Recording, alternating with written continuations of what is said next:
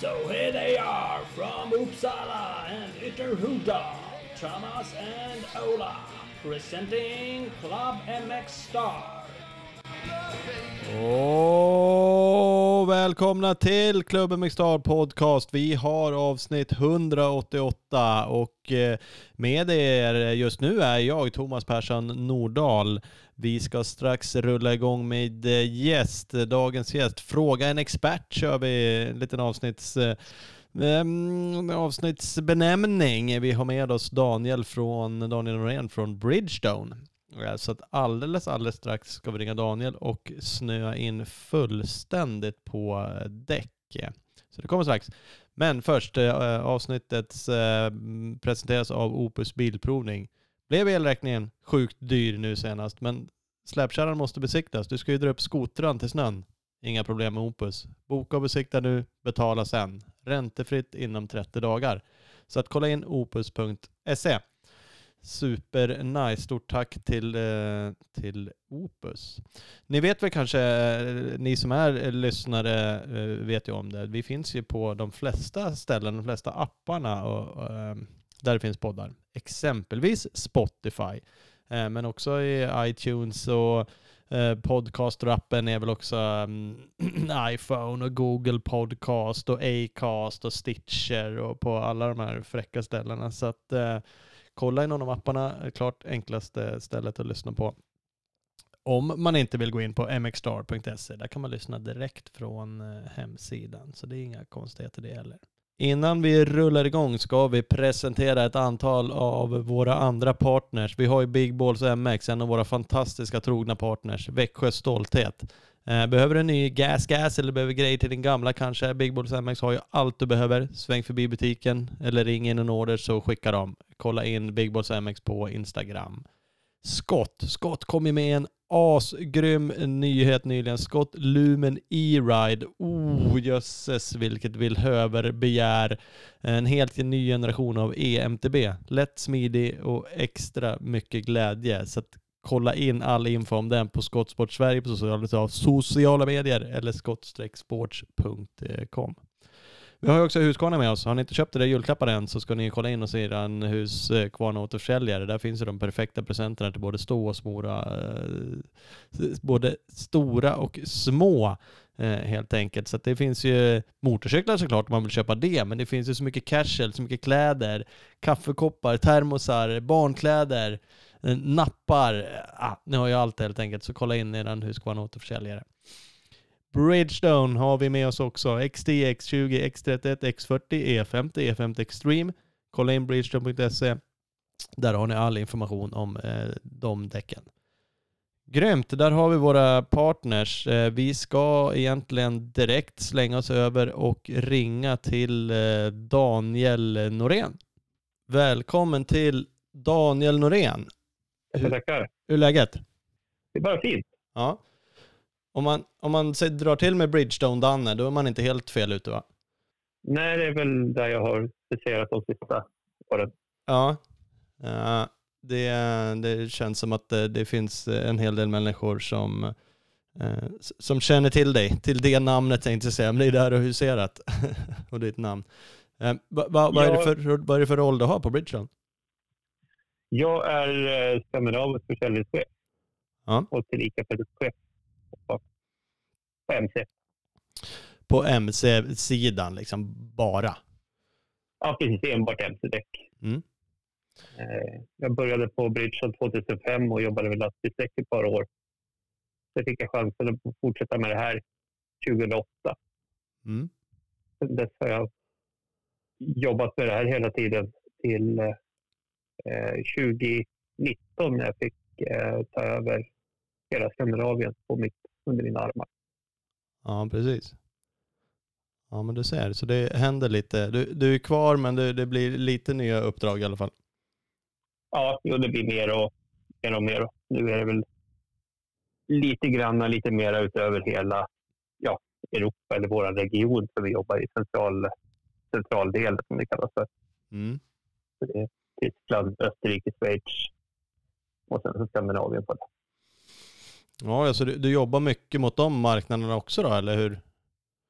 Nej, det är, det är, ingenting så, utan vi samarbetar väldigt mycket. Det är, framförallt så är det ju med eh, racingsidan på roadracing som vi, vi samarbetar väldigt mycket med tanke på att hela vårt centrum för, eh, för roadracing och roadracing-servicen är i Tyskland för hela Europa. Ja. Yes. Eh, men hur är det själv då? Du, du, jag känner ju egentligen dig mest från enduro, att du har kört det, eller kör väl kanske fortfarande. Nu är det väl knappt, tänkte jag säga, för du har ungar som flänger runt också, så du fullt upp.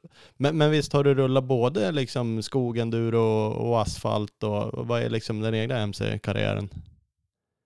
Nej, jag började väl åka cross väldigt sent, eh, när jag hade råd att finansiera det själv.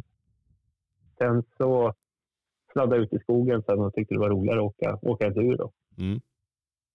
Och sen eh, vart jag lurad av eh, en kompis, eh, Fredrik Biffen Eriksson, som lurade mig att åka motard några år också.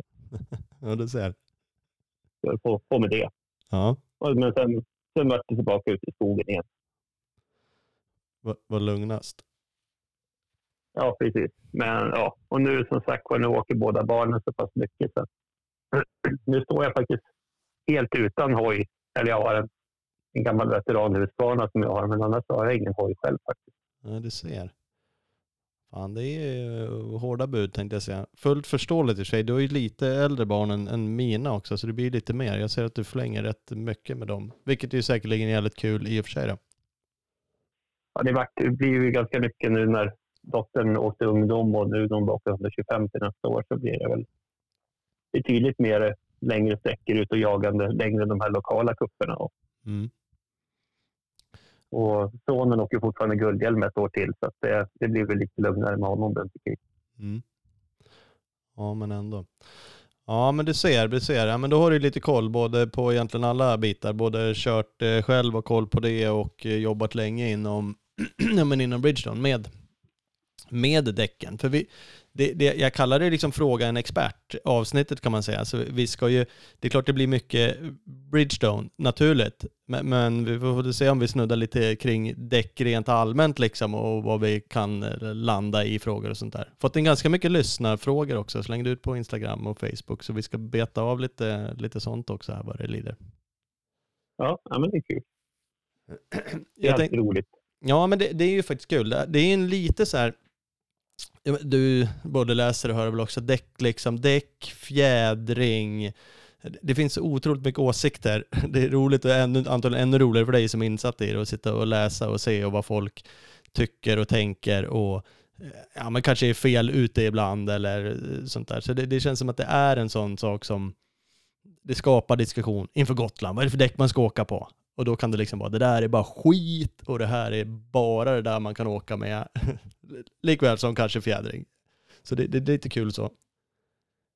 Ja, det är väl lite grann som man är i roadracing-depån också. Så ser de, ser de däckkillen så måste de tala om att däcken är skit, att det inte funkar. Och ser de på fjädringskillen först så måste de tala om att fjädringen inte fungerar också. Så att det är alltid någonting mitt emellan där. Så man, det är inte en själv som man hänger upp sig på, utan man letar alltid något material man kan hänga upp sig på först. Ja, det är enklast att skylla på det. ja. Skylla på sig själv. Det är ja, man vet jätte... själv hur man är. ja, precis. Det är väl så. Ja. ja. Jag har aldrig hört någon som har klagat på gympadojorna och talat att de är för dåliga. Nej, precis. Det är sällan de är det va. De är för utslitna. För dåliga kanter på, dålig dubb på däcken i gympadojorna. Ja, nej det är lite skillnad. För dålig dämpning i löpsteget. precis. Ja, ja, ja. ja. Hörru, vi ska börja med en, kanske, mm, det är en Bridgestone-fråga, absolut. Eh, vi har fått några lyssnarfrågor kring den också. Den är ju ganska omdebatterad de senaste åren, skulle jag ändå vilja påstå. Eh, kan du gissa vad jag fiskar efter? Ja, antingen så är det dubbdäck eller så är det väl något eh, Gritty ED663 eller något sånt. ja, men det, det är 663 faktiskt. Den verkar ju typ alla ha älskat det framdäcket. Det är hela namnet liksom Gritty ED663, det är benämningen på det. Ja, precis. Mm. Och, och, ja, kör. Ja, nej, det, det, är ju egentligen ett originalmonteringsdäck till Honda CRF 450X när den kom 2004. Som satt på den. Okej. Okay. i grund och botten så var det faktiskt eh, mönstret kom från ett däckmönster som heter M59 som kom redan 1997.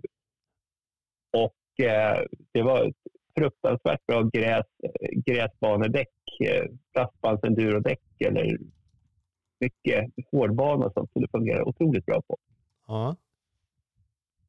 Sen så har vi tillverkat det som originaldäck till vissa, till en del KTM ända fram till 2014 tror jag det satt på eh, SX-modellerna. Så satte M59 fram och M70 bak på dem. Eh, sen, ja, sen har det fallit ur produktionen då när vi slutade originalmontera på, på KTM-krossarna. Ja. Hade man en annan Men, benämning då, eller, eller hette det inte alls 663 då? Eller fanns båda där under en period? Nej, nej det heter ED 663. Det, eftersom att det har varit det däcket som har varit eh, DOT-godkänt, alltså ja, SIM inom situationstecken. Mm. Så att då CRFen, Excel var vägreggen. Ja, just det. Sen, ja, sen har det hamnat ute i skogen där. Från början så var det väldigt mycket äldre farbröder på FNC på Stockholm som var helt förtjusta i M59. Mm. Så när vi slutade saluföra det och sälja det och utan ersatte det med 663 då lite mera. Då fick vi jättemycket skäll på att det däcket, nya 663, var inte alls lika bra som gamla M59. Nej. Det var ju det, var det bästa och, och så 663 som kom, det var inte alls lika bra som det gamla. Det gamla var mycket bättre då. Mm. Och då kan man ju ta det gamla däcket då som ett 80-121 däck medan 663 ett 90-90-21. Så det är högre, mera dämpning i det. Och skulle ju, ja, om man går efter taktiken så fungerar det bättre i, i, i skogen. Ja. Sen har vi haft det och det har varit väldigt populärt ända fram nu tills vi ersatte det med E50 2000 2018 tror jag att det var, 2018, 2019. Mm. Så vart ju det ersatt och eh, vi tog ut det sista ur formarna innan vi skrotade dem helt och hållet. Sen så, ja, de formarna finns inte ens kvar längre. Vi, det är stört omöjligt. Det är otroliga pengar på att bränna fram en ny, ny form. Vi kanske fortsätter göra de däcken i sådana fall. Du ser, så det, för det, det var lite frågor också. När, när kommer de någonsin komma tillbaka, 663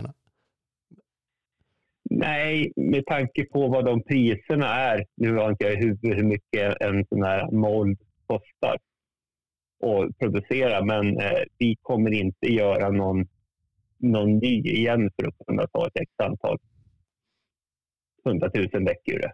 Nej. Eller ja, inte ens hundratusen däck har de klarat. Nej. Så det är, 663 är helt eh, dött och begravet som det ser ut nu i framtiden i varje fall. Mm. Men då, då, kom ju E50 och den, men det var, så, det var lite det du var inne på, M59 tyckte folk om och så kom det ett i stort sett identiskt däck som hade, hette 663 och så knorrades det lite om det. Och E50 är väl i och för sig inte ett identiskt däck med 663 men det har inte riktigt sådär det, det, har ju skapat diskussioner liksom. Folk längtar ju tillbaka till den där jäkla 63. Jag ska inte säga att alla gör det, det kanske är de som hörs mest som gör det, vad vet jag. Men, Eh, men E50 var ju det som ersatte. Vad var, var, varför skrotade man 63 och gick till E50? Det är såklart en utvecklingsgrej. Var, var det det, liksom, upplever man från Bridgestones sida, var det ett bättre däck eller vad, vad, vad är det man tänker när man, när man byter ut? först och främst så var det väl det att vi skrek väldigt högt efter ett nytt bakdäck eftersom att det som hörde ihop med det som hette ED668 inte var någonting att åka med direkt. Så att, eh, det var, jag vet ju en eh, Dalmas som bor på Gotland numera gjorde något försök och åkte någon, någon SM-tävling och passerade väldigt bra med de bakdäcken. Och jag vet även Björne Stjernsten vann väl SM något år med de däcken också. Han åkte Cabba 250. Mm. Men det var ju absolut inte konkurrens, inte riktigt med bland de bästa andra konkurrentdäcken. det, vi, det vi skrek efter här i Europa, det var ju att vi ville ha framförallt ett nytt bakdäck. Mm. Och så vill vi behålla gamla framdäcket. Sen vet jag året innan, 2017, någonting sånt där, då fick jag uppdrag att åka ut och filma och väldigt mycket terräng här, svensk terräng. När vi skulle göra konceptet med E50 så det har varit väldigt mycket Åsätra, det har varit väldigt mycket, ja, allting från Sten till Bergby till många andra ställen vi har varit och, och filmat terrängen på och skickat till Japan. Okej, okay. ja. Sen hade vi även ganska mycket med eh, fransmännen som tycker tvärt emot vad vi tycker. För de har ju med deras stadsbandsenduro och gräspro och deras typ av terräng skiljer sig otroligt mycket från vårat. Och så kom det från Italien och så kom det från Spanien också. Så att så började de titta på volymerna, hur många däck det blir. Mm. Så var det mer att det var mer anpassat mot riktig VM-enduro, eller ja, nationell enduro med, mot terräng. Mm. Och då ville de ha en väldigt mjuk stomme i, i däcket. Eh, 63 har varit väldigt hård i stommen och eh, varit mera stabil. Mm. Och det jag har fått kritik på på E50 det är att stommen är ganska mjuk och eh, att den trycker undan lite grann. Att den blir lite ja, instabil. Mm, liksom. sen, sen, har det väl varit speciellt med vissa motorcykeltyper som har en, en originalfjädring som kanske inte riktigt eh, håller emot lika bra. Så då har de skickat ut trycket till sidled istället, vilket gör att en del upplevt att de fått fram utsläpp mm. när man åkt med det. Eh, så att, ja, det är väl där hela produktkonceptet var, att de vill ju ha framförallt så är det ju för eh, europeisk enduro. Mm. Sen vet jag att fick vi prototyperna som vi åkte på här. Vi var ute flera stycken och, och körde lite olika omgångar med lite olika förare och provade runt om. Mm. Och det är svårt att det är svårt att utvärdera så där också hela tiden när man har en, en prototyp och det man kan ändra ifrån den är så väldigt, väldigt lite. Mm då är det ganska klart eller när man får en prototyp att provköra med. Det är inte läge att komma och ja, ja, det var hårdare väl... stomme. Det är liksom inget man kommer med då. Nej, det är väl lite där vi hittade på att vi åker med en lite eh, stabilare motor, att man åker med lite mer lufttryck i dem. Mm.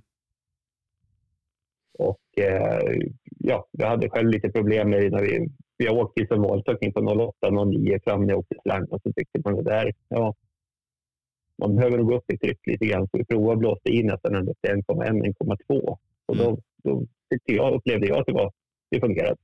Mm. Mm. Jag har jag själv personligen alltid jag åkt på X20-framdäcket som är, är crossframdäcket mm. i eh, 90-100 dimensionen som har varit lite större, lite mer eh, dämpning i. Ja, det har jag tyckt tyckte det var bättre än 663 också, så jag åkte ju hellre på det hela tiden när jag åkte dem mm. under min tid. Men det, är ju, men det är ju som du säger, ändrar man det där då, klassiskt det är ju liksom, vad har du för däcktryck? Äh, 08, 09. Det är väl liksom det som har varit en sån här grundgrej bland många. Och, och, då ska man då liksom matcha och gå upp. Ja, men då måste man ju antingen få den informationen då, ja, från er som ett exempel, eller så handlar det om att testa som det är med så mycket annat. Eh, och, och då ja. faller det ju bort för många, alltså, inklusive mig själv. Liksom också. Man, man har kanske inte tid eller kunskapen, eller man gör det bara inte för man bara åker. Och så, um, och det, tänkte, måste man ju följa efter med fjädringen sen också när man går upp i lufttryck så måste man ju följa efter med fjädringen också för det blir ju blir hårdare, det blir ju sötare att åka med. Mm.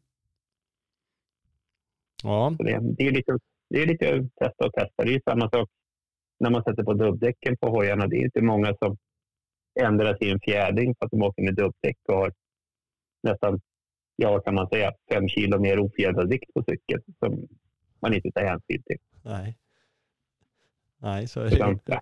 Man, man åker bara liksom det. Ja.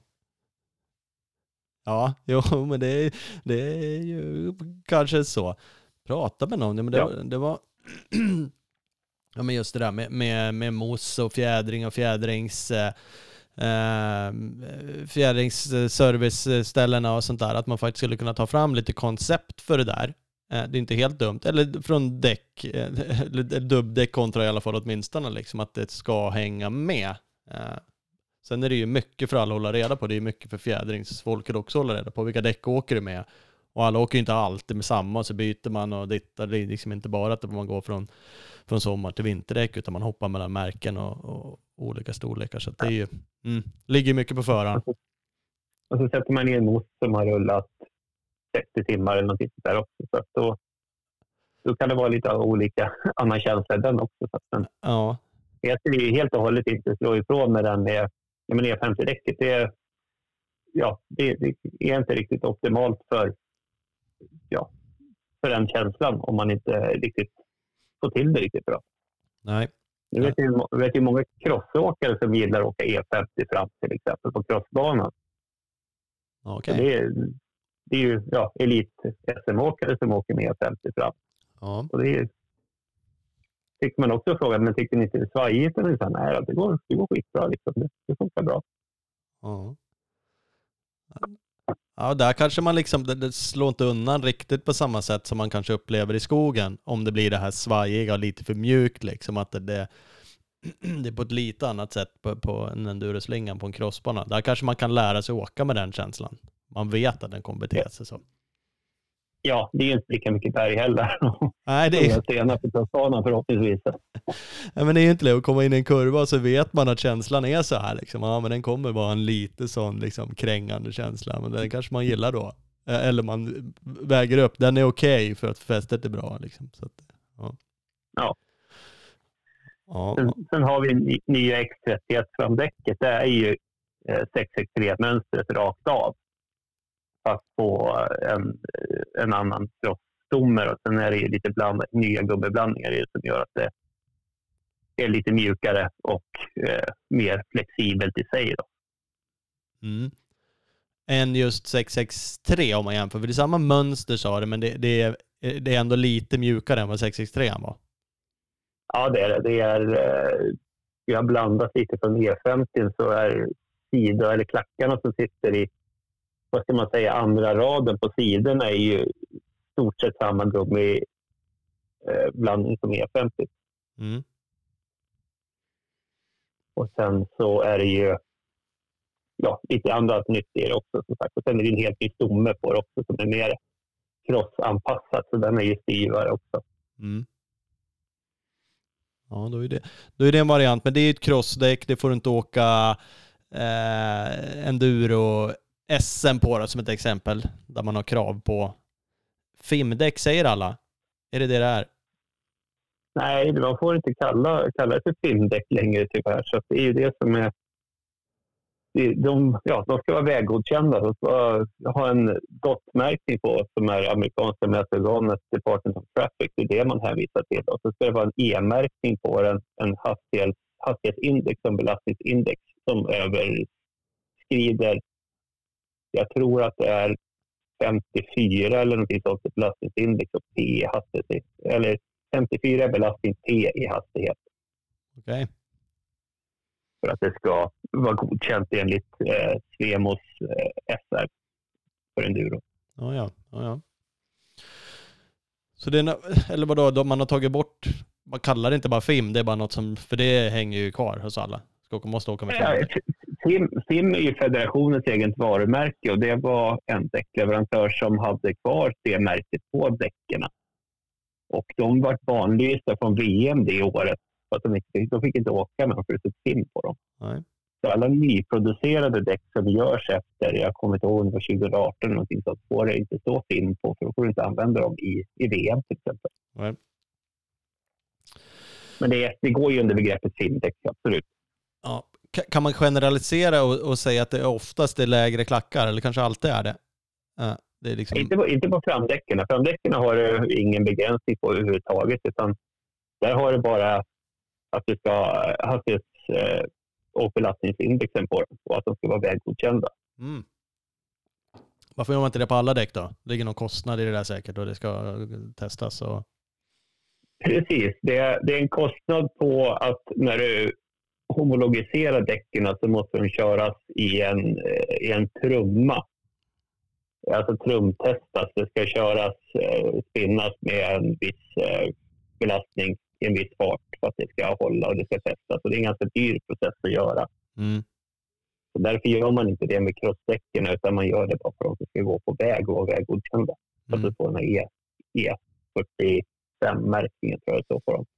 Ja, men vi, vi är inne lite på testning och sånt där och det, det, kan man ju såklart hålla på hur mycket som helst med eh, och bli superduktig och laborera med och det är olika fjädring och däcktryck och allt däck för alla men, saker och ting. Men, men om, om, man då backar till en glad amatör, motionär gällande däck, även om man kan glida över på fjädringssidan eller andra saker också, men, men, men vad, vad, är det liksom, finns det något generellt sett så, ah, men det här borde du tänka på, är det är det viktigt med ett helt nytt däck med en vass kant? Eller är däcktrycket viktigt? Eller är det bättre att prioritera fram istället för bak? Eller finns det något liksom att tänka på för, för en amatör? Nej, det är väl egentligen, det går väl allting från sin egen ekonomi och sin egen plånbok om man har, men framförallt däckdrycken är ju väldigt bra och viktigt. Mm. Och eh, sen eh, ja, men det, sen är det ju runt omkring utrustningen som att man har fräscha däcklås att de inte slirar på fälgen. Och, och man kör slang så man inte river av ventiler och det sådana saker. Ja. Och man får kontrollera däcktrycket innan man sticker ut och åker och sådana saker. Det är ju vissa slangar som eh, tjockslangar är gjorda av naturgummi för att de ska vara så mjuka som möjligt. De håller ju inte trycket längre än en vecka kanske. Då får man ju vara med och justera upp det häktet man tappar och sådana saker. Ja, precis. Det är inte det hål i dem, utan de har ett naturligt läckage liksom i sig. Ja, precis. I och med att det inte är syntetgummi och plast i dem så är de inte täta, utan då, då blir det alltid lite läckage i dem. Mm. Men ja, sen är det väl, jag brukar vända på mina däck. Jag åker, som man åkt de här tävlingarna runt omkring här uppe i våra distrikt, eller ja, östra och nedre norra och sånt. Utan man kanske åker, åker två tävlingar på ett bakdäck, så vänder jag och åker två tävlingar till på det och sen så tränar jag på det. Det, det, det är okej att göra det. Det var också en lyssnarfråga och jag är likadan. Och framförallt vill man ju liksom, den blir ju rund såklart i, och det är bakdäcket framförallt kanske. Uh, och då vill man ju ha den här vassa kanten, tänker man sig i alla fall. Och så vänder man på det och så får man ju den uh, skapligt. Ja. Och, och det är inga konstigheter direkt att göra det eller? Nej, inte om du har ett rotation, rullriktningsbestämt däck med bestämd rotationsriktning på. Eh, men sen kan man ju också vända de däcken beroende på vad det är för underlag. Om du har ett eh, format mönster åt ett visst håll. Mm. Om man då går tillbaka till vårt E50 enduro, uh, enduro bakdäck och även vårt extremdäck så uh, brukade jag vända på dem när det var väldigt, väldigt skitigt. Så man fick ett uh, bättre rens och bättre broms när det var skitigt. Så då kände jag att de hade en viss tendens på att bygga på sig lite för mycket när man bromsar på bakhjulet så att det bara kana på det. Mm. Och då, då körde de åt fel håll och fick en bättre rensförmåga på dem. Mm. Ja, det... Eh, sen, sen har jag inte så mycket koll faktiskt på om de andra fabrikaterna i branschen har bestämda rotationsriktningar. Det är framdäck vet jag har det. Eh, men, men just bakdäcken är ju det är ingen fara att vända på dem så. Nej. Är det oftast rotationsriktning på grund av att mönstret är eh, gjort på ett visst sätt? Liksom? Eller kan det vara något annat? Kan det vara gummiblandningen också som gör att man har en rotationsriktning så att det blir? Nej, inte på eh, cross enduro-däck, vad jag vet i varje fall. Nej. Där är det mest bara för att du ska få rensförmågan i, i lägre fart, att däcken inte sättas igen när det går sakta och jätteskitigt, utan man vill ha ut så de ska rensa sig själva. Mm. Andra, andra däck när det blir, eh, då är det ju en annan, annan typ av stomme.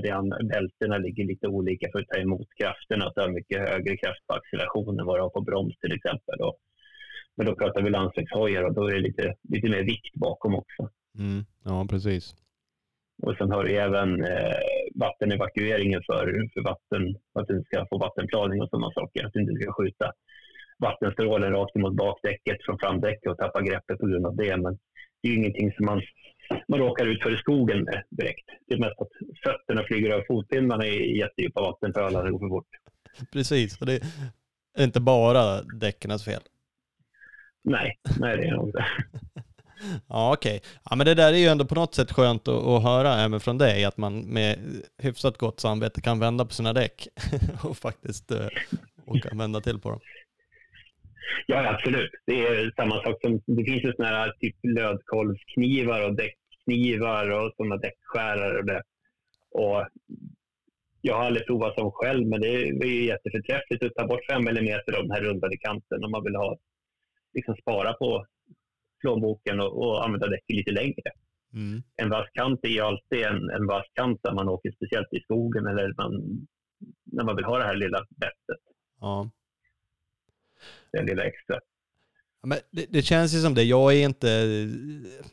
Ja, men jag, hade jag har liksom aldrig haft möjligheten att testa super, super mycket så att jag är inte mega duktig på det så. Men och med däck känner man ju så här, precis som du säger, kanten är ju det man... Det, det kan man ju verkligen märka ett rundat däck liksom ut och drar. Det, sen är det ju såklart jättemycket mer, men, men den vill man ju gärna ha.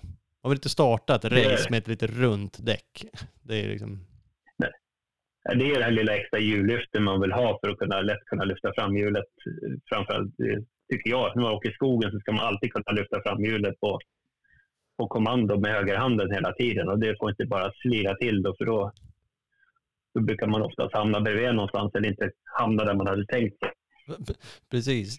Då hamnar man framför hojen när man ska lyfta över någon stock och det händer ingenting mer än ett hjulspinn. ja. ja, det kan nog bli så. Eller något dike, man liksom tänker fan snyggt nu lyfter jag över det här.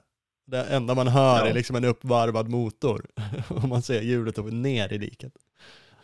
Mm. Ja, ja precis. Man får, man får inte över fram, man får inte över över kanten. Nej, precis. Man känner sig så jävla ja, misslyckad. Ja, det har hänt många gånger kan man säga.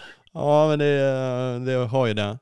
Jag som försöker åka lite extrem ibland, man inser det hur duktiga de är på att jobba med fjädring och tekniken istället för att skicka i på gashandtaget. Eller som jag kanske ännu mer, man klutchar upp den liksom. Och det enda som händer är att man får ett hjulspinn och de kommer och åker och liksom med samma varv typ. Och så, så här, gungar till den och med tekniken lyfter upp det. Liksom. Och det räcker ju att kolla på, på Eddie, Eddie eller Jarvis eller någon av de här så ser man att det där, det där är någonting man skulle behöva lägga många fler timmar på. Ja, det är just det där många fler, för det är det man skulle behöva göra för att få det där att sitta liksom. Men, eh, så det, det, kanske, ja, det kanske är för sent. Det kanske, kanske mer än där, när man är ute och friåker och man ser den där skogsbacken eller den där roliga, de där roliga stenarna och sånt. Men det, det är lite för lite. Man kanske skulle behöva åka med sånt också ändå. Utmana sig själv mer. Ja, ja, men det är ju kul det där. Som sagt, jag gillar det där lite extrema. Och det har jag för gjort, bara, bara som ett sidospår, just när man är ute nu, eftersom jag, jag är ju ingen duktig på det egentligen, men eftersom jag har gjort det så har jag utmanat mig själv lite. Jag ger mig inte på de största grejerna. Men säg en stock som hänger lite över marken eller ligger där, så blir jag allt sugen på att åka över den går ju alltid att åka runt en sån i skogen liksom. Men det är inget kul. Så, ja. så att man utmanar Nej. sig själv liksom, när man har gjort det några gånger och så, ja, det går ju att misslyckas och, och klara det också liksom. Så det är ju jävligt roligt så. Ja, för en perfekt endurodag måste ju innehålla minst ett bulat avgasrör. Ja, verkligen. ja, så är det Det är ingen snack. Det kan man ju ställa upp på. Speciellt om man åker två ja. Då behöver man inte ens köra på så stor, stort träd för att bula. Nej, precis. Ja, ja. ja men det är härligt. Hörru, vi, vi har en annan grej som är också en, en klassiker. Jag har nog själv gjort några tankevurpor med det här, men många däck, jag vet faktiskt inte om det är alla, men är väl där också benämns ju med mjuk, medel, hård, eh, som ett exempel i alla fall. Eh, och, och, det kan man ju vrida och vända på lite som man vill. Bara, just det, mjukt, ja men det ska jag ha när jag åker på mjukt underlag. Eller är däcket mjukt som jag ska ha när jag åker på, ja, du, du förstår. Och man ser ju många som tänker fel där.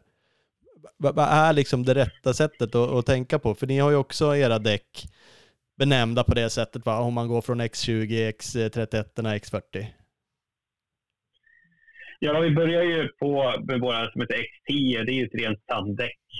Och det är ju det är ett ganska eh, hårt däck, eller ett väldigt hårt däck. För att den funktionen på de däcken är ju att det ska det skapar ju fäste genom att det flyttar material. Mm. Det gräver ju materialet för att det är mycket sand hålla framändan uppe. Och sen ska det kunna flyta. Du får inte gräva för mycket så du gräver ner. Då kommer fjädringen gå ihop bak och kicka ner framändan. Så kommer, kommer hojen gå som en anka så det, på, på raken och sånt. Så då, det måste ju vara lagom avvägt hela tiden. Och det är samma sak med vårt X20 som ja, crossdäcket. Det är ju också väldigt hårt bakdäcket för att det ska gå, gå i mjuka material. För att du ska få med dig så mycket material i, på varje klack som skapar drivkraft framåt. Mm. Så kommer upp, ja, X31 är ju ett lite mer intermediate-däck. Det är väldigt öppet mönster. Det är lite mer flex i klackarna på det. Och plus att du har ju den här våran castle block som det heter. Med den här själva klacken i klacken som är... Du får liksom dubbla kanter på varje klack för att skapa bättre fäste just när det blir eh, hårdare, hårdare underlag. Ja, just det. Och där har du lite, lite mjukare gummi, så de flexar, de flexar lite mer och suger fast lite mer. Klackar, klackarna böjer sig och följer med underlaget lite grann. Och sen har vi vårt däck för riktig hårdbana som heter X40. Och då har du mycket större klackar så att du har där är ju klacken som är själva drivkraften, anläggningsytan, att den är så stor som möjligt. Plus att du har den här flexibla Castleblock-klacken i den som också är större. Mm. Och där har du inte egentligen eh, inget material som du flyttar med utan det är ju mest på gummit i klacken, själva hela fotavtrycket som driver. Mm. Och det är just, ja, sommar, sommarendur och hårda jordbanor och sånt. Så är det, tycker jag, är riktigt behagligt att åka på. Mm. Speciellt Gotland och över kalksten och sånt så är det ett väldigt bra fäste i dem. Mm, ja, precis. Och där är det ju att vi, vi har vår mjukaste gummiblandning till det hårdaste uh, underlaget. Ja, precis. Och sen, sen tvärtom. Ja, det är bättre. Så, så benämningen ni har, och är, är det inte så alla har, är ju liksom det eh, materialet man ska åka på. Är liksom det man... Ja, precis. Eh. Precis, det står ju på dem, de heter hard, de heter mid, mid soft och de heter väl ja, det mesta. Mm. Eh, så där är det ju en, ja, efter underlaget. Mm. Eller så är det nummer som de har. Ju högre nummer, ju hårdare underlag kan det vara också. Mm. Vad jag har förstått av de andra. De andra tillverkarna. Jo men det är ju så, men, men jag tror att må många här, kanske inklusive mig själv tidigare, man liksom, man, man, man tänker för mycket. Man, man inser inte att ni har gett mig hjälp här. Jag ska åka på ett hårt underlag. Okej, då tar jag ett däck som det står hårt på eller hard. Utan istället så, ja ah, men då borde jag åka på ett mjukt däck för att det är hårt, för att det ska liksom bli bra fäste. Och så tänker man att det är det man ska, så blir det en tvärtom, en tankevurpa helt enkelt. Ja, egentligen vore det en perfekt värld så skulle ju alla ha någon IKEA-benämning på, på däcken. Så att de, så att de hette liksom så någonting som, som alla förstår och är lätt att härröra till egentligen. Men ja. som vanligt så vill ju alla dra till med sina egna exklusiva saker och fördelar med, med däcken. Så att man, man krånglar väl kanske till det väl mycket också. Ja, men det är, det är lite sådär, många, det var också en fråga vi har fått just där, hur mäter man bredden på ett däck? För det verkar skilja lite grann mellan olika leverantörer. Man upplever det i alla fall, man står och tittar, ja det står 110 på det där och så är det 140, men det är fan samma. Eh, gör man olika eller hur, liksom, finns det någon standard för det? Det är, det är totalbredden som vissa går efter och eh, en del andra går efter stombredden, hur bred stommen är. Mm. Innanför klackarna och en del meter med klackarna. Ah, okay.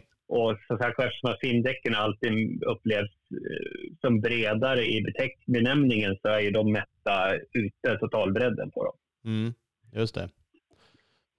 För de passar ju i samma fälg liksom, så det är inte det som är grejen, utan det är som du säger, då sticker nabbarna ut mer då, som man mätt liksom där.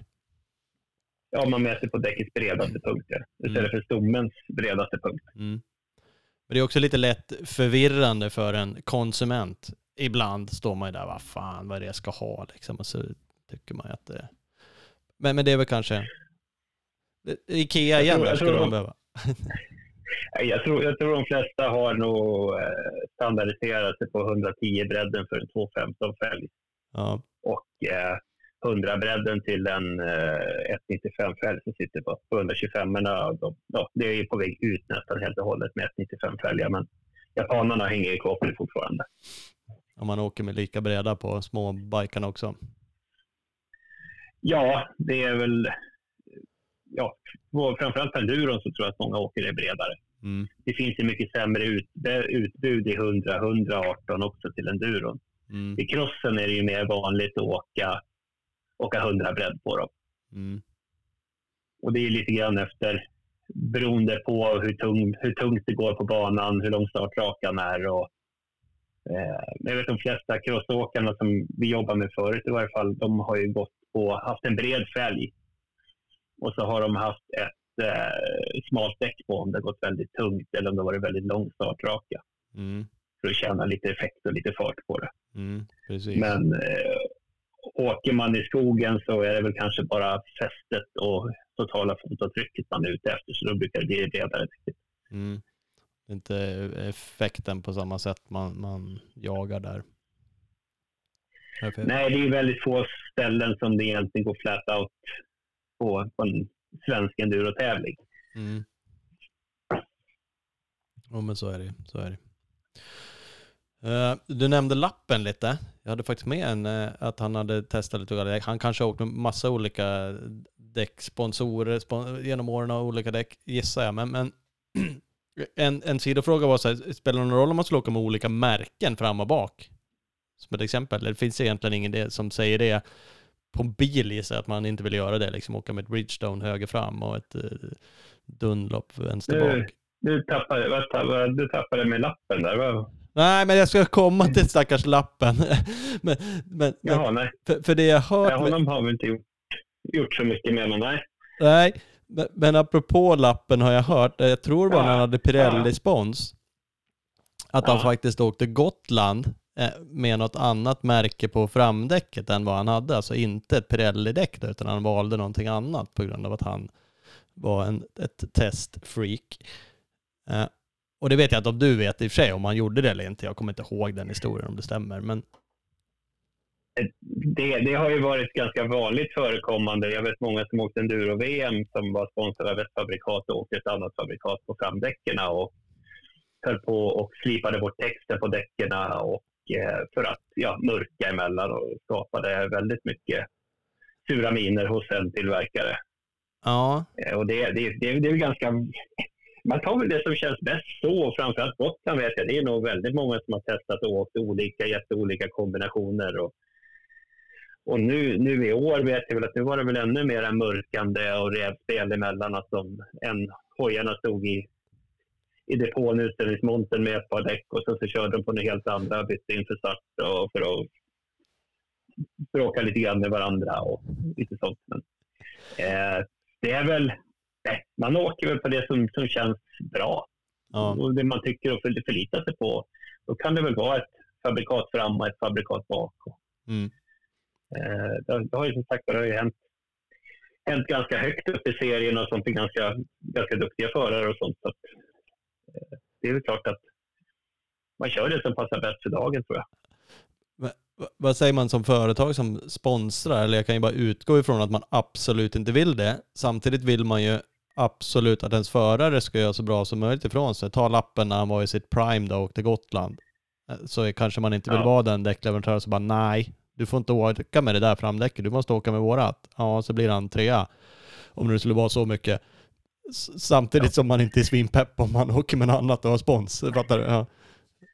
Ja, är det en tävling rakt av sådär så jag vet ju själv när vi sponsrade en, en väldigt snabb kille på 125 förut och eh, vi hade ingen riktigt sanddäck som var bra. Vårt gamla, gamla bakdäck som vi hade eh, som hette 102 var inte riktigt konkurrenskraftigt på sand utan då ja, det var, var en överenskommelse. På sand så körde han något annat däck på men mm. det stod ju Bridgestone på hojen och han hade en kepser på och, liksom sånt där. Och jag tror han ändå lyckades med största, vinna den största delen av alla tävlingarna på våra däck. Ja. Ja, sju SM-guld eller vad han tog för någonting mm. under sin aktiva tid. då, då, då, kan man ha liksom ett ett, ett överseende. Det kanske är bättre om man faktiskt tar den dialogen då innan du går runt där och bara, vad ja, ja. i helvete? Det sitter ett annat däck ja. ja, nej men det, det känns ju lite... Ja, när det gäller crossenduron så har vi nog aldrig varit så hårt, hårt på det där. Men nej. Det, det är det stora hela generella också. Så Ja, men precis. Det är lite med helheten. Det är nog klokt att se det så, skulle jag tro, gällande sponsring. Hur, ja, hur, absolut. Hur jobbar Bridgestone annars med sponsring? Man, man kan ju säga det i, i, i stort då. Är, är ni med, borde jag ju stenkoll på kanske. Det har väl skilt sig från åren gissar hur mycket ni är med i VM-cirkuserna, enduro, cross eh, och sådana saker. Liksom, vad är tanken från företaget liksom? Vår huvuddel av vår motorcykeldäcksförsäljning i Europa är ju landsvägsdäck. Mm. Och hela stora affären, alla pengar vi tjänar och allting sånt där i, i landsvägsdäck och roadracing. Mm. Eh, motocrossdelen, endurodelen, är så väldigt lite. Det är väldigt lite förtjänst på de pengarna, eller på de däcken. Mm.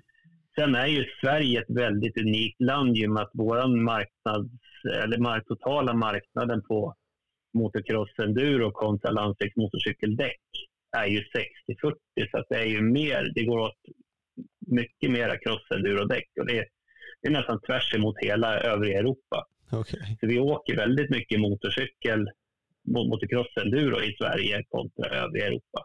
Ja. Så det är en väldigt viktig, viktig marknad. Men eh, som, när vi jobbar med sponsring och sånt så är det ju framför allt för att, ja, dels för att hjälpa förarna och sen är det ju att få ut varunamnet mm. och få märkligt kännedom. Mm. Och ja, de vi jobbar med på nationell nivå, de här de svenska crossförarna och enduroförarna som vi hjälper, det är ju ja, SM, lite något som åker EM och lite sånt. Men det, det kör vi ju från, ja, från Sverige. Mm. Och eh, vi har ju ett eh, team i Tyskland som heter Kostak Racing eh, där eh, vi får in lite svenska förare nu till, till nästa år. Och de, de har ju hjälpt in från Tyskland på det. Ja och ja, i ADAC och eh, de serierna runt om och EM. Mm. Men på VM har vi ingenting som vi går in med. Vi har inte de resurserna till att ha en, eh, släppa en trailer dit med eh, montering, med service på plats och sådana saker. Right. Vi gjorde en ganska stor satsning fram till 2006 när vi var med i AMA i USA, både outdoors och supercrossen. Mm och körde stenhårt där och eh, det var väl inte det var inte så lysande affär om man ser till vad det kostar, men marknadsvärdet var ju väldigt, väldigt högt. Ja. Det var ju otroligt mycket däck som vi fick ut och det var otroligt mycket försäljning på det. Men eftersom att eh, förtjänsten på de här cross-enduro-däcken är ju inte enormt hög så vart det ju inte en, en lysande affär. Nej. Men just, ja, är det så att vi ser någonting som vi behöver stötta upp på VM, VM-nivå om vi kommer så långt, då, då kan vi ta den diskussionen inom, inom Bridgestone Europa. Mm. Det är inte så många som jobbar med, med motorcykel i hela Europa, så vi har ganska bra kontakt. Eh, I varje fall minst en gång i veckan så har vi avstämningar med saker och ting. Så att, det går. Eh, ja, det går att lyfta en sån grej på ett lite, det är liksom inte upp till någon toppchef eh, i Europa eller Japan. Så att det, det går att hantera diskussionen. Ja, absolut. Vi, vi styr oss över oss själva i Europa och vi styr oss över själva i vår centrala region och sen så styr jag över Skandinavien på, den, på det sättet. Mm. Så det finns inga liksom ja. Bridgestone Factory-däck i enduro och cross? Så här special, special som bara någon VM-fräsare åker med? Om det är några som skulle ha det så är det de som åker japanska mästerskapet för då satsar de väldigt, väldigt hårt på... De är nog testar väldigt mycket prototyper och grejer där direkt eftersom att alla Bridgestone är ett japanskt företag. Vi tillverkar alla däck i Japan. Ja. Och det är naturligtvis närmast fabriken och för dem att, att testa med. Mm. Och det vet jag, vi har ju kört mycket, mycket av de här första testerna på allting sånt eh, på crossdäcken har vi gått i, i Japan ända fram till X10 och X31 som vi nästan helt och hållet har utvecklat i Europa. Ja.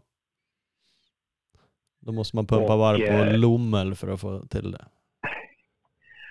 Faktiskt så det absolut roligaste är att vi gjorde sluttesterna på X10 på Avesta med, med Ken Bengtsson och, och, Johan Halvarsson så hade vi en del av testerna där. Ja, du ser. Det var, det var, riktigt, det var riktigt kul och, kul att vi får vara med här i lilla Sverige och kan ta en, en bana som Avesta och få, få ligga och nöta varv på och jämföra däck och tider. Ja, ja, ja. Ja, verkligen. Den är ju onekligen sandig också, så den passar ju för det, men det är ju jävligt kul att det, att det hamnar här. Absolut. Ja, likaså. Jag åkte en hel sommar med E50 eh, extremdäcket ja. och eh, hållbarhetstestade och lite sånt på alla tävlingar jag kunde åka hela den sommaren så åkte jag på, på prototyperna. Det var ju lite kul också. Att en lokal åkare i lilla Sverige som inte åker klubbtävlingar får sitta och åka prototypdäck för att vi ska utveckla och se hur länge de, de håller och vad de fungerar på och inte fungerar på och lite sånt. Ja, ja men det behövs säkert också. Det är säkert risky med all form av testning och bara låta den som är absolut bäst eh, testa. Det är ju lite annat än, än majoriteten av de som sen kommer köpa och åka på det. Ja, när vi testar, det gäller ju även racingdäcken på roadracing, så testar vi dem i, i tre olika kategorier. Det är allting från den glada motionären till den medelsnabba till den absolut snabbaste toppåkarna mm. som, som kör dem. Då. då har vi ju, när det gällt det här i Europa så har vi kört X31 kör vi med Max Nagel som mm. toppförare på testet på. Ja. Så det, det var ju, slog ut ganska bra. Han körde det i, i Adak där han tror han vann väl de flesta racen han åkte med, med de däcken. Ja, det är kul. På provet. Ja en liten, liten sidospår på en E50 extremdäcket är lite, lite kul för de är ju gjorda av det är samma gummiblandning i dem som det är i roadracing-slipsen, de, de mjukaste slipsen vi har. Asså. Och de, de, de däcken har nästan ingen silika i sig, så de är väldigt hårda när det blir kallt. Så vi hade faktiskt en, ett test med eh, daglig övervakning på temperaturen på, på de däcken. Så vi förvarade dem i en container i Luleå en hel vinter också för att se om de, de sprack av sig själva eller hur det funkade. Ja, det ser. Då hade, vi, hade vi en daglig övervakning med en kille som gick ut och läste av termometern och skrev ner temperaturen i, i tre månaders tid. Ja, det är skönt. Ja, men de är... Ja, för de är... De är ja. Ja, då, då, man, då, då är det testat i Sverige. Då är det testat i Sverige. liksom, upp med det med norr. Klarar de av kylan? Här har vi det. Ja. ja. Ja, men de är ju klart mjukare, alltså väldigt mycket mjukare än andra däck, så är det ju. Och det är väl grejen med, ja. med ett extremdäck. Alltså det där heter ju extrem. Är tanken, är det gjort för extrem racing, alltså Battle of Vikings, Eresberg, extrem racing, eller vad är målgruppen för det där däcket? det är ju ett extremdäck för framförallt för den här indoor-serien och eh, ja, extrem, extremåkning. Mm. Lägre farter, eh, lite mera, kanske bättre fäste på blöta trä, trä blanka rötter, mm. blöta stenar och det lite som kommer. Kanske lite mindre högfartsstabilitet och sånt i dem och inte kanske riktigt samma högfartskänsla. Men däremot så vet man om man stannar mitt i en stenbacke och tar ett omtag så då, då får du ett bra fäste iväg i, i mossa och rötter och sånt. Där. Så. Mm. Mm, mm. Så det, det, är väl tanken med just extrem, det är extrem enduro så för dem. Och sen är ju det, det är ju inte full höjd på, på de klackarna heller och eh, det är ju inte lika låg höjd som det är på eh, de dot eller ja, filmgodkända däcken. Utan det är tror jag två millimeter högre klackar på, på extremdäcket. Okej, okay, det är någon mellanting. Varför kör man inte full eh, höjd? Ja, det, det, det vet jag faktiskt inte varför de gör det. Om det är någon form av regelverk eller hur det är.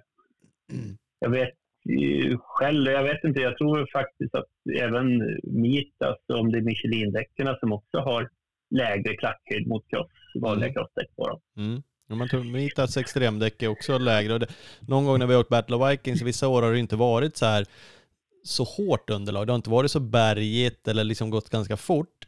Men ändå inslag av det där som du säger, extremhinder och sånt där. Så man, man känner så här, men jag vill ju åka med, med ett mjukt extremdäck. Men jag vill också ha klacken. För det är mjukt som fan i vissa backar. Och då har man ju hållit på och tyckt ja. att, ah, fan vad lågt det är, både Mitasen och som sagt eh, Bridgestone Extrem. Men då, är man så, då hade man ju önskat sig en fullhöjdsklack, men mer extrem, den blandningen som är liksom och, och typen av däck. Men det finns säkert någon skillnad. Ja, ja den, den, frågan kan jag tyvärr inte svara på på rak arm. Just varför det är lägre klackar på dem. Men jag kan tänka mig att det är ju också att det är själva fotavtrycket, att det blir storleken på hela, mm. hela däcket. Just att du åker med så lite luft i dem också, att det flyter ut bättre. Ja. När man har en mjukare mosse eller man åker med mindre luft i dem. Borde kunna bli någon effekt, väldigt, väldigt långa nabbar och, och mjuka borde kunna få någon väldigt konstig effekt kan man kanske tänka sig också då. Om det är mjukt och mjukt mousse som du säger så knölar det där ihop så bara blir jävligt ja. Tittar, man på trial-däck så är ju de väldigt täta i mönster, även de som de åker utomhus med.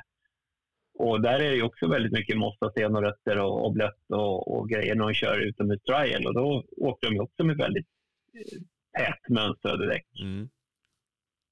Och det är ju inte direkt rena crossdäck de har heller. Så det är, väl, det är väl kanske just för att du ska få det här extra frånskjutet när, du, när man gör det här som inte du och jag klarar av, som, som Jarvis och Eddie Karlsson kan göra. Liksom att få, få fart från, från stillastående och bara ta ett, ett avstamp ja, precis. iväg.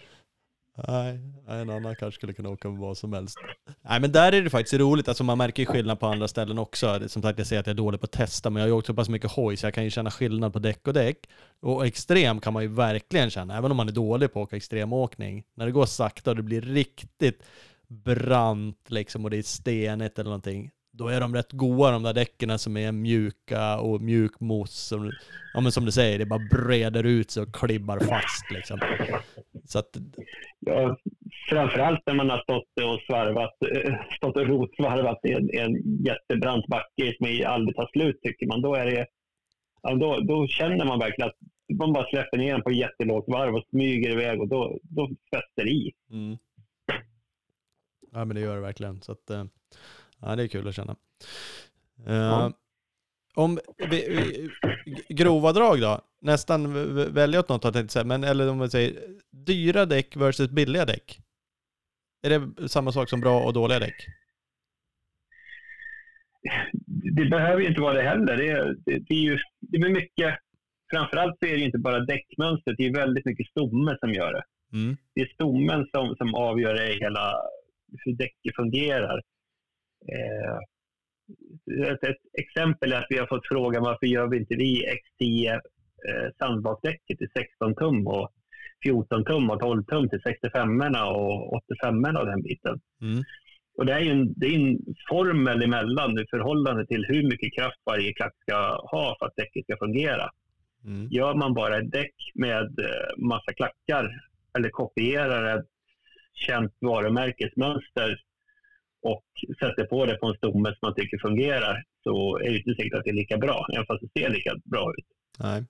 Utan det är dels det är allting från gummiblandningar till flexibiliteten i stommen till kraften, hur mycket kraft yttersta delen på klacken kan överföra ända in till fälgen, ner till fälghornet och hur mycket flex det har däremellan för att däcket ska fungera, för att det faktiskt ska driva istället för att det ska spinna.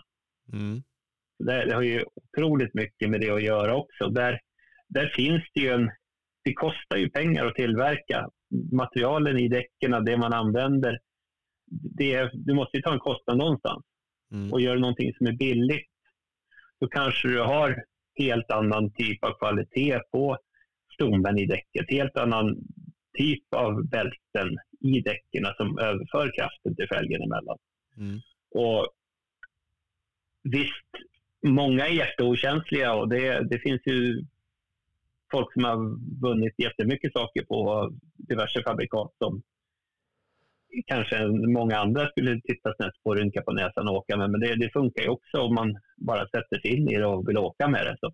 Mm. Eh, men sen, sen går det till en viss gräns kanske. Du kanske inte får den här idiotfarten på ett däck som kostar 400 kronor kontra text som kostar 900 kronor. Nej. Och sen är det ju en viss kunskap bakom. Det är ändå ett visst antal hundra däck som man tillverkar eller hundratusen däck eller ja, drar i paritet till det så Bridge tillverkar ungefär 600 000 däck om dagen, eh, alla kategorier, alltså inte bara mc-däck utan allting. Mm. Och det är ju en viss kunskap bakom allting för att man ska få eh, saker och ting att fungera och få en hållbarhet i det. Ja. Och sen är det naturligtvis gummiblandningar, hur länge de håller, hur fort de slits. Och, eh, det jag irriterar mig mest på på däck som jag tycker är dåligt är när klackarna går av på dem. När klackarna lossnar från stommen. Och det är, eh, alltså, att de inte de skär sig inte av utan de bryts av. Det tycker jag är otroligt störande. Då finns det ju ett alternativ. Då är det ju kassera som gäller liksom. Det går inte att vända på det, det går inte att eh, åka med ett runt däck som man vet får sämre fäste men man tar sig ändå fram. Utan då får man ju ja, ett kastdäck bara. Ja, och sen, sen är det väl kanske hållbarheten, hur länge du kan åka på det också. Vilken, eh, hur många timmar man faktiskt kan använda däcken. Mm. Och ja, tycker man det är kul att kränga däck och då kan man väl göra det, byta ofta då. Men, ja. eh, jag tror i stora hela längden så lönar sig inte bara för att man ska åka bridge då, men det finns ju många andra bra fabrikat ute på marknaden också som att man, det lönar sig att betala den där hundralappen extra och åka på de där däcken. Att det, det har ju hållbarheten på det. Mm. Och framförallt stabiliteten i dem. Och sen har du ju en dämpning i, i, i, i stommen också som gör att Vissa däck är väldigt mjuka, man kör punka jätteofta, men man byter till tjockslang, ja, man kör fortfarande punka, men då sätter man in moss. Och så åker man och sen så börjar man upptäcka att fälgarna ser ut som åttkantiga muttrar till slut för att man får så mycket genomslag. Och det, det är mycket det också. De håller upp, stommen bär ju upp väldigt mycket mer också. Ja. Och sen är det ju framförallt eh, det är luften, luften i däcket eller just mossen som bär upp allting. Mm däcket är ju bara en behållare för att luften ska hållas kvar. Att man ska, ja, det, det måste ju ha någonting i sig som bär upp det. Ja, jo men precis. Ja. Och sen, sen, tror jag kanske att det är nog inte en enda tillverkare som vad jag vet av de stora som rekommenderar något lägre lufttryck än 0,8 i, i däcken. Ja, det är så. Då, då anser man att det blir ja, för lågt helt enkelt. Ja, ja. ja då, är, då, är, då är för genomslag eller att man knäcker slangen eller knäcker fälgen eller ja. knäcker däcket till och med. Mm. Det är liksom en, en, en risk att ha sönder. Ja, ja. Ja, ja, jag förstår. Nu nämnde du Mosta, vi måste ta den också. Uh, det, ja. det känns också som att det har blivit en, en otroligt mycket hetare diskussion på senare tid. Och jag tycker det är så här, fullständigt exploderat med mosstillverkare. Jag kan ha fel, att jag bara inte haft någon koll på dem, men jag tycker det liksom så här dyker upp namn varje månad som jag bara, gör de där mousse? Ja, Okej, okay, ja, där är något nytt. Uh, och, och, det är jättemånga som åker på det, mer än vad det var förut också. Då kändes det som att det var exklusivt och det var dyrt och det var nu är det mycket folk som, som åker mousse. Uh, ja, det var lite, det var lite lyxvara. Jag, jag själv har faktiskt inte åkt då särskilt mycket mousse. Jag åker, åkt slang nästan hela min tid jag åkt hoj. Ja. Ja men jag gjorde också det. Men... Jag liksom, och det är du ju liksom i och för sig inne på, att åka med en dålig moss, då är man ju dum i huvudet tänkte jag säga. Men jag vet att jag åkte Gotland några år när jag körde som mest cross, åkte ju bara slang, cross. Eh, och då åkte jag Gotland och kände, fan det är ändå att ta sig över tre timmar där liksom. Eh, och då köpte, eller med fick liksom någon, någon av Mackan Åhlén som han hade kört med cross och så tog jag den till bara det. I övrigt åkte jag ju bara slang också egentligen under när jag ja, åkte som mest aktivt, om man nu kan kalla det det. Uh, ja, det, det, är ju som sagt det är ju en säkerhet. Jag menar, det kostar ju jättemycket pengar att ta sig över till Gotland, starta vift och tid och framförallt hur lång tid man är borta. Och sen så kommer man dit och åker ett varv och så kör man punka. Och det, är, det är ju klart, mos är ju bra. Det är, det är ju en bra grej, en bra uppfinning. Eh, vi har ju haft våra egna mossar också, men eh, tyvärr så har vi inte kapacitet att producera mer än till japanska marknaden. Och eh, den maskinen som vi har till det är lika gammal som den farbror som tillverkar mousse hela dagarna. Så det är ingenting som vi förnyar eller tänkte göra någonting heller. Nej, okay. dess, dessutom så har vi de sakerna som vi har i mossarna är väl inte så lätt att få igenom i EUs bestämmelser och vad man får ha och producera i, i Europa. Så vi kan inte flytta produktionen hit heller. Nej. Eh, så att vi har tagit det beslutet att vi tar inte hem dem. Dels sen att vi har sex månaders ledtid från beställning till det hamnar i butik. Och vi har ett bäst före-datum på, på 68 månader på mossarna så det blir ju de då, det blir ganska gamla. ohållbart. Ja. ja, men precis. Ja, men det är fyra veckor kvar på mossen när kunden köper dem och då vill de inte betala fullpris och då, då ser vi lite bortkastat. Mm. Eh, vi höll på för bara någon som kläckte idén att vi skulle frysa ner dem direkt från tillverkning och frysfrakt var och frysta hela vägen. Och, men ja, det har ju själva den kostnaden drar iväg. Ja, det låter ju avancerat, minst sagt. Ja. Uh. Nej, nej, så vi, vi, har gjort ett samarbete med Mefo i Tyskland helt enkelt. Att vi har uh, gjort en hel del tester ihop med dem och de har uh, utvecklat uh, mossar efter våra, efter Bridgestone-däcken. Mm. Eh, sen vet jag ju även att det är andra mossar som är väldigt, väldigt bra på marknaden. Eh, jag själv har kört, eh, varit otrogen och åkt en del franska mossar som jag tycker fungerar väldigt, väldigt bra. Ja. De är inkörda och fina och de passar bra i Bridgestone-däcken också. Mm. Jo, för det är ju det, det är inte bara att skicka in sådana, en slang är ju ändå, tänkte säga, det kanske inte heller bara är bara, men mer i alla fall. Den pumpar ju upp och sen så blir ju den i den formen den ska vara och där den ska vara. En mousse är det ju olika storlekar på. Ja, och då ska man ju liksom dels från början köpa rätt mousse till rätt däck. Ja, och sen också ha lite feeling för när den faktiskt blir dålig då. Kanske inte bara byta den när det är smulor av den när man kränger däck, utan fundera på känslan. Och det är inte helt lätt kanske liksom. Det ska man ju ha förmågan att känna det och bry sig om det. Eh, och jag kan ju tänka mig att det är en utmaning där för, och jag, vi har då pratat om det här förut, att det blir lite huvudbry för dig och du har varit slang, och slang för fan. Och jag kan ju förstå att det är så här, någon säger att nej, E50 är så jävla dåligt. Och så ser du den jävla mossen människan åker med sen och bara har lust att, ja, vad man nu har lust med liksom. Det är fan inte däcket det är fel på många, oavsett fabrikat oavsett vad man åker på, många som åker i Mossi fram så ser man att de är väldigt, väldigt dåliga. Däcken ser liksom ut som att de är, de är som platta mitt på. Mm. Man, de, de flyter ut väldigt mycket och, och sen, jag menar, man reagerar ju inte för att det blir sämre och sämre successivt. Det blir inte sämre när du kommer runt en kurva och sen helt plötsligt är mossen jättedålig utan du åker och åker och åker och vänjer dig med allt det där. Att det, det kränger mera och det blir tyngre att styra och mm. det går bredare hela tiden. Man känner kanske inte skillnaden så. Nej. Och det är just när man åker slang så känner man skillnad direkt. Jag när du får punka då, då, då har du konstaterat nu, nu, är det, nu är det kört. Liksom. Ja, då vet man det. Men det är, ju, ja, det är jättesvårt. Och sen, ja, det, det är ju den här diskussionen kan man ha hur länge som helst, men man kan ju säga som så, köp en, tänk om det bara fanns en standardkolv som skulle passa i alla motorer. Ja. Och det, det gör det ju inte. Nej, det är inte det. alla, däck, alla däck har ju olika egenskaper, olika dämpningsförmågor och olika innebredder och olika innemått. Även fast det står samma sak på sidan på dem. Mm. Så det är fortfarande en norm som du måste hålla dig emellan och det kan ju skilja upp till 4 på bredden och höjden och, och så på måtten på dem för att det ska få heta samma sak. Mm. Ja. Så ja, mousse är också, ja. Jag, jag säger väl, väl kvalitetsmousse, det är väl det är mitt tips. Ja. För det, det, är ju egentligen bara att inse att folk åker med det, så ni måste ju förhålla er till det. Så enkelt är det.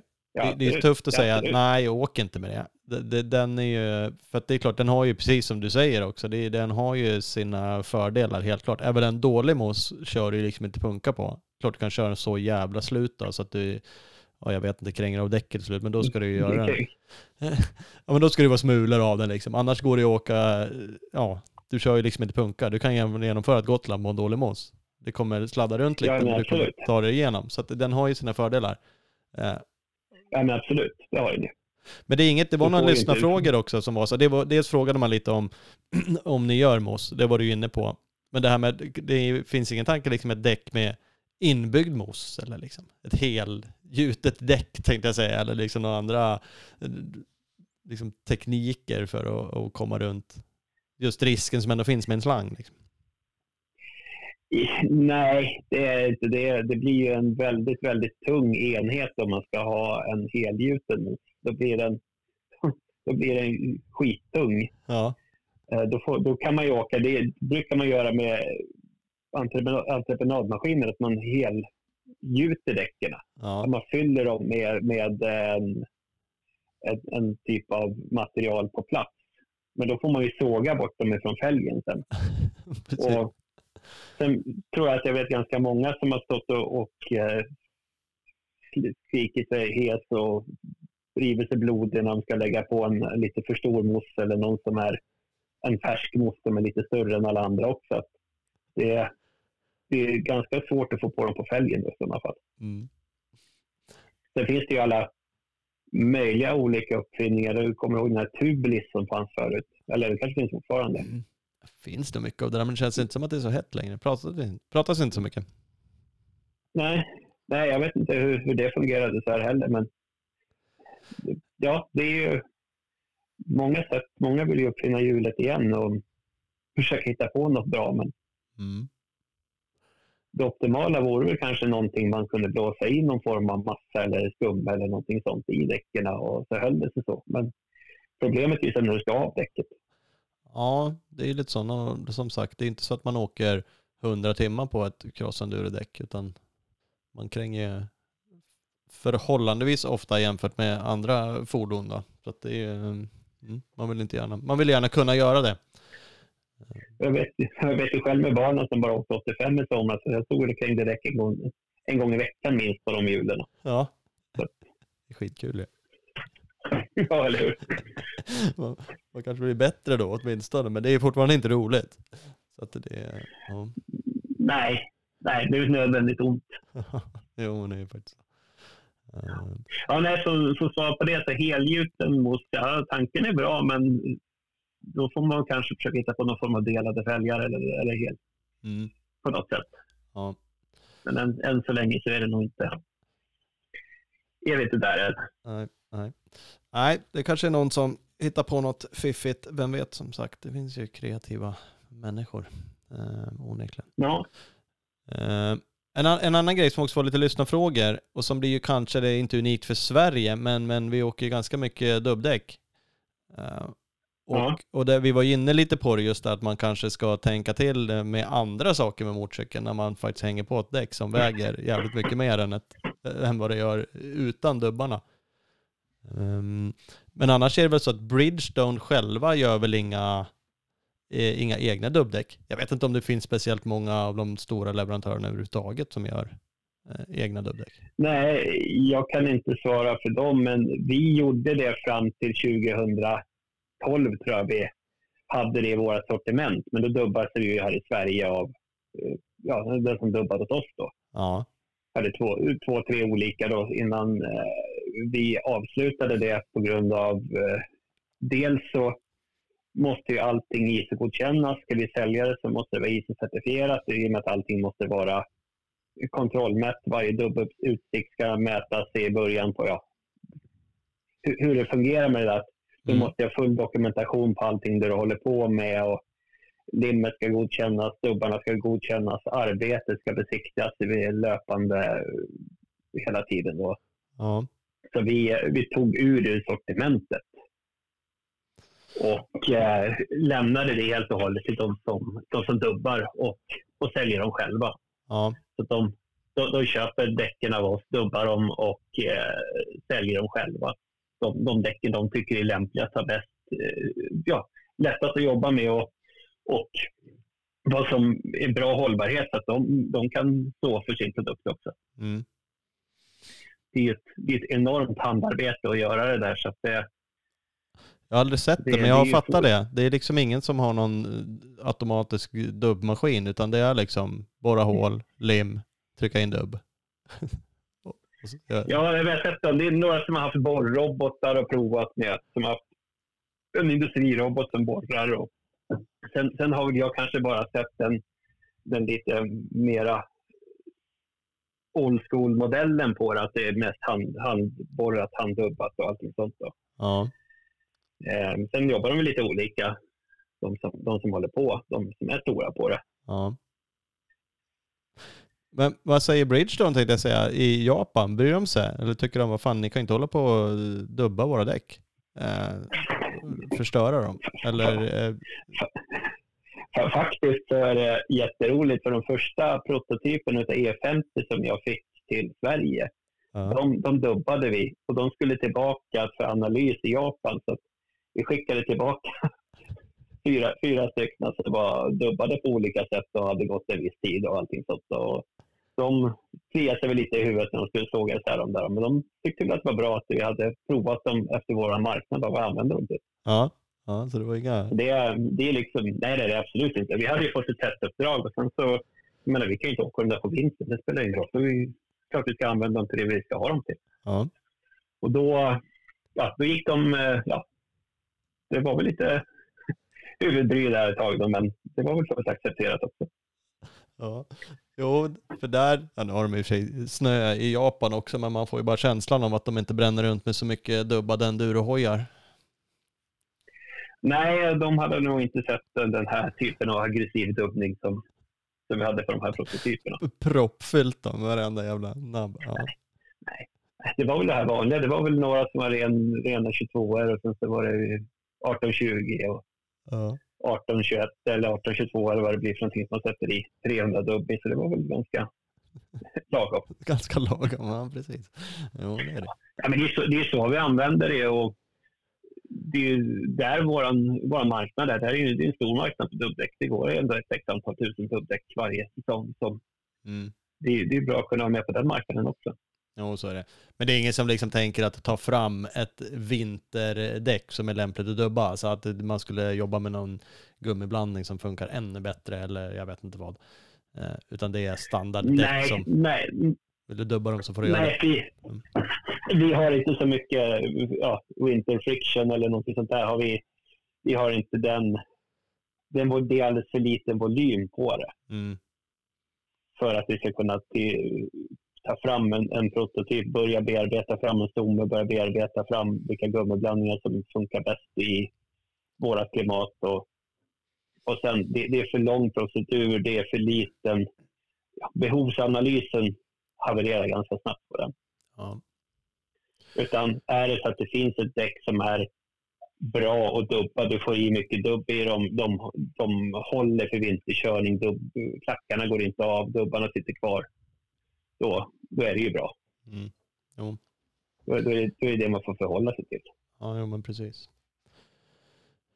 Marknad nämner du. du. Du var lite inne också på 60-40 och 40-60 tänkte jag att det var nere i Europa så eh, är det ju mer eh, asfaltsdäck, landsvägsdäck, slicks. Eh, här uppe gör vi faktiskt av med crossenduro-däck, 60% jämfört med 40.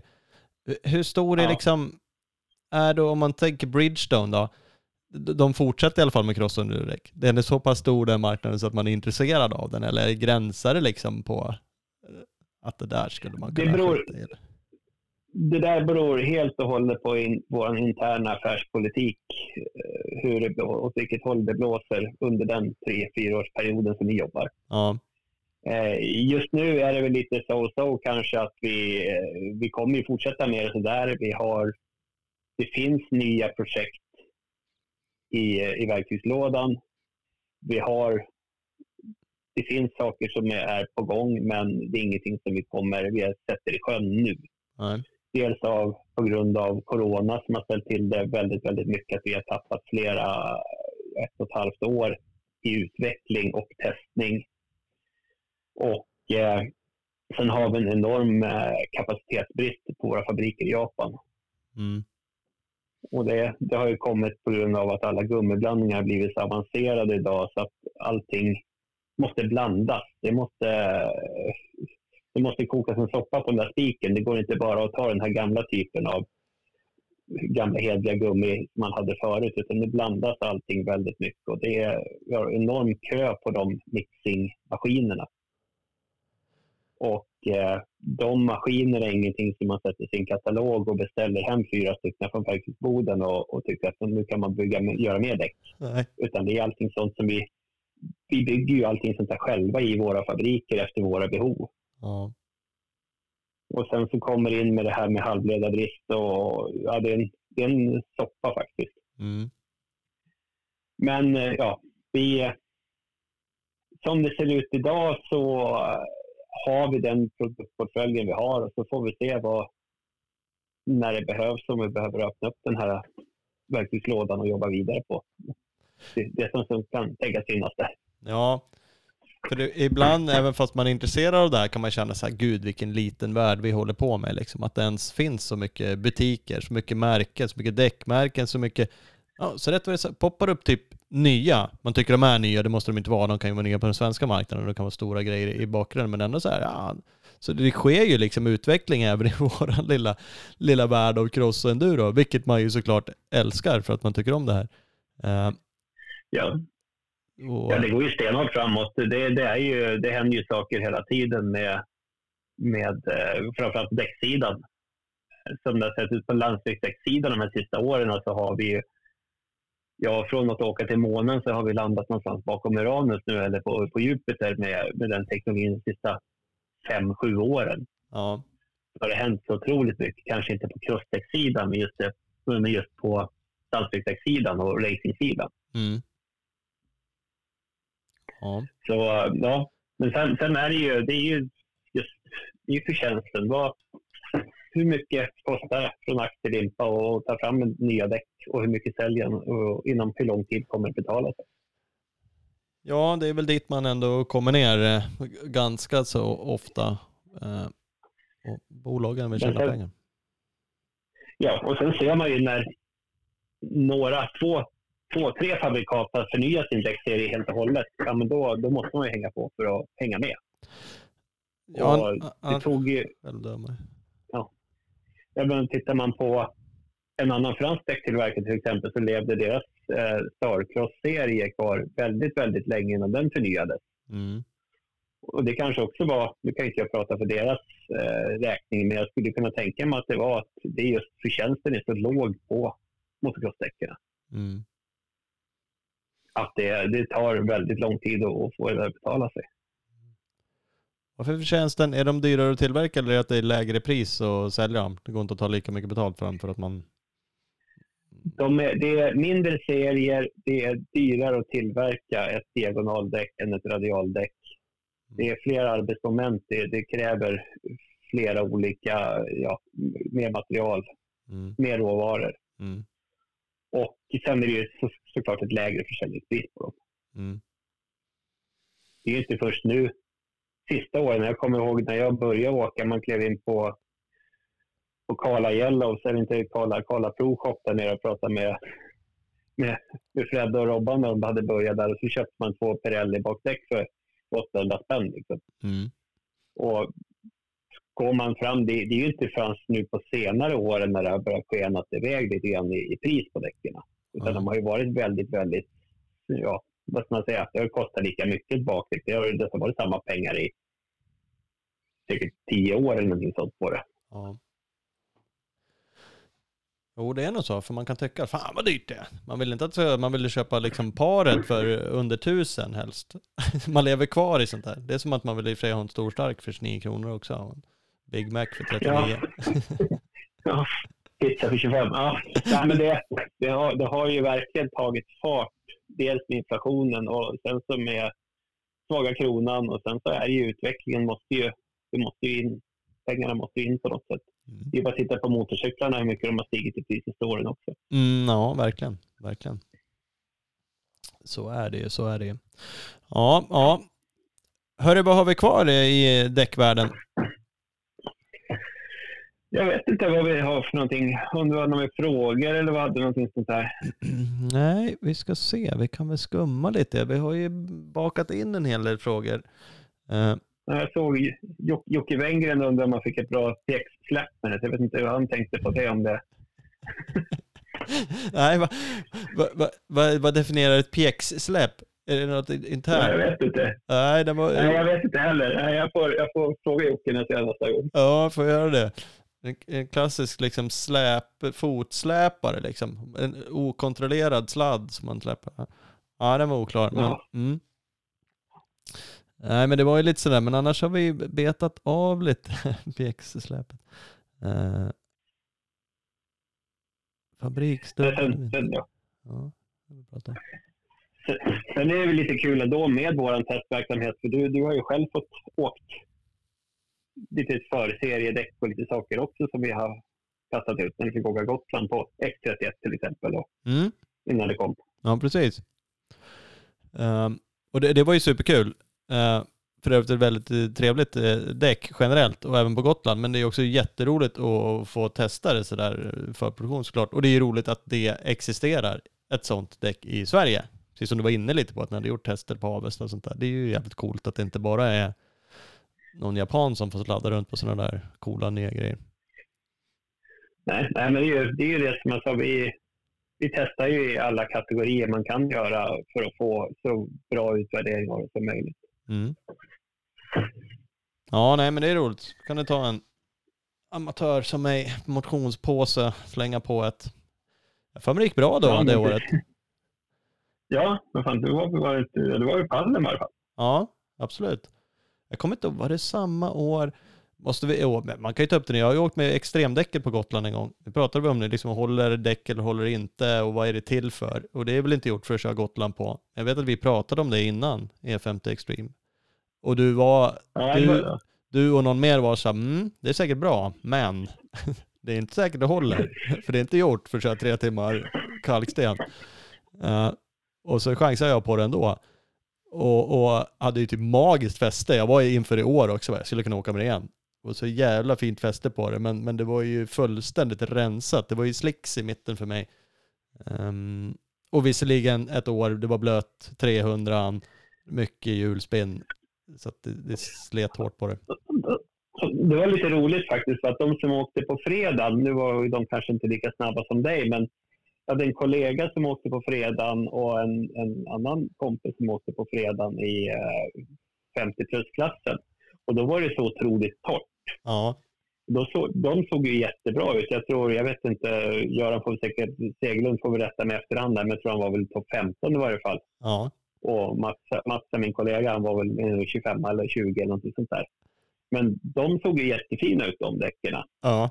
Och sen så vet jag till dig, när du skulle åka på lördagen då så hade det väl börjat regna och blivit jätteblött. Ja. Du hade väl lite högre fart, 300, lite mera hjulspinn hela tiden. Och, så det funkade väl, ja, det var ju som du sa, det, det var väl bra fäste tills men det... Så länge det var kalksten under. Ja, men precis så var det. För det var ju, det var ju egentligen även, för jag liksom, det var i slutet så här, något sista varvet kanske, man bara fan nu, det jävlar, är det så här halt för alla? Och det var ju ett skitigt år liksom, fan ute på myrarna där, det jassade liksom. Och sen när jag kom i mål, det var ju först då jag tittade på det, ah, okej, okay. ja men det här förklarar ju. För, för det var, jag skickade ju bilder till dig och jag frågade dig om jag fick lägga ut det sen. Och du bara, ja men fan det är bara att ja. göra det. Vilket är också jävligt kul att jag fick göra det. Uh, Ja, ja. Och det var ju liksom, för det var ju det var inget fel på däcket, snarare fel på mig tänkte jag säga, eller tävlingen man körde med det. Eller den dagen jag prickade, det är som du säger, det gick ju perfekt dagen innan. Så det, äh, ja, jag vet en annan toppåkare som provade det innan också och testade just på kalkstenen veckan innan, två veckor innan också. Han sa det var ju magiskt bäste där. Man sa det kommer aldrig, för mig håller det inte tre timmar så jag väljer att inte åka på det. Nej. Men han sa det, just så länge det var... Han tyckte det... Under den testtiden han körde så var det ju magiskt bästa. Ja. Så, så för en vanlig motionär eller någonting sånt som tycker att det är jätteläskigt och har väldiga problem med att det blir så halt kanske kan vara ett däck att prova. Ja, men det är det. Det var många eller, som... Eller, eller, eller ett extremdäck överhuvudtaget om man ska vara Lite mer. Jo men precis. Ja men precis, det, det, så kan man ju se det. För att det, det, det, var ju många som frågade mig inför år också. För Gotland är ju verkligen så här, då, då dyker däckfrågorna upp. Från alla håll och kanter, vilket är ju superroligt. Och så frågar folk mig om vad man ska åka med. Och jag var så här, jag tipsade alla om det där med liksom brasklapparna. Mm, grymt fäste, men Jag tänker inte ta en ansvar för om du kör i fullständigt slut. för det får stå för dig. Ja, precis det. Det här men. Ja, det är det där men. För det är liksom sagt, ja, visst, lite torrare, ja, då kanske det håller. Men det vet man ju inte först på morgonen. Det, ja, men det var ju som det året när det var så här, fredagen helt perfekt. Motionsklasserna körde ju fan sju varv typ. Och sen gris före hela lördagen för oss andra. Att jag ska då faktiskt åka veteran nästa år, eller super-evo nästa år, så då kommer nog det där åka på min, min kvarna. Ja. Jag ska nog åka ett extremdäck i bak. Det är, det är ju kortare tid också. Så mm. det... Ja, då ska det väl mycket till och, och Nej, men det är ju ett magiskt däck där, så att absolut. Vilket är ju det, är också då, det ska ju också testas, för det låter så extrem. Man hör, när man tänker på det så här, det där är ju bara Eresberg-åkningen. Eh, men, men det är ju, det ju inte riktigt då. Man går ju och laborerar med det där också om man har möjlighet att testa och vill chansa lite. Absolut. Ja, ja. ja men härligt. Jag tror att vi har benat av mycket lyssnarfrågor också, så att vi, de som inte har fått svar kan väl se. Fortsätt ställa frågor så kanske vi kan svara i lite kommentarer och sånt där på Instagram och Facebook eh, framöver. Så att eh, det är superkul när ni, när ni hör av er med lyssnarfrågor. Får jag? Absolut. Aha. Ja, men det kommer att svara i, kan svara i kommentarsfälten. Ja, men gör det. Kika igenom det. Liksom jag kan jaga på dig om det är någonting som känns som vi har missat eller om ni kommer in med några frågor i efterhand så försöker vi svara på dem. Ja, absolut. Supergrymt. Hörru, stort tack då Daniel. Tack själv Thomas. Så hörs vi framöver. Ja, ha en bra dag. Bra, detsamma. Tja. Stort tack till Bridgestone-Danne. Skönt att nörda ner sig lite i någonting. I det här fallet eh, motorcykeldäck, eh, cross-enduro-däck. Eh, så att vi har ja, fått en del info, svaret på en hel del lyssnarfrågor. Som sagt, vi var inne på det. Sjukt kul med alla lyssnarfrågor. Fortsätt med det. Skjut iväg grejer. Eh, vi försöker svara på saker även efter avsnitten. Danne kan svara på grejer om ni kommenterar eller skriver till mig direkt så ska jag se till att få fram svar. Eh, föreslå nya gäster, nya idéer. Ehm, så att då ska vi försöka att uppfylla det. Är ni, vill ni åka eh, moss som ett exempel bara? Vi pratade om det och det kan vara svårt att hitta vilken moss man behöver till vilket däck. Eh, gå in på airmos.com. Där har de en tire fitment guide för att se. Då slår du bara på Bridgestone X31 som ett exempel. Vilken storlek du har, 18 tum, 110 eh, och så får du den informationen vilken airmos du ska köra, köpa om du vill åka mos till dina däck. Så att, eh, kolla in det så eh, hörs vi på eh, nästa podd. Hej på er!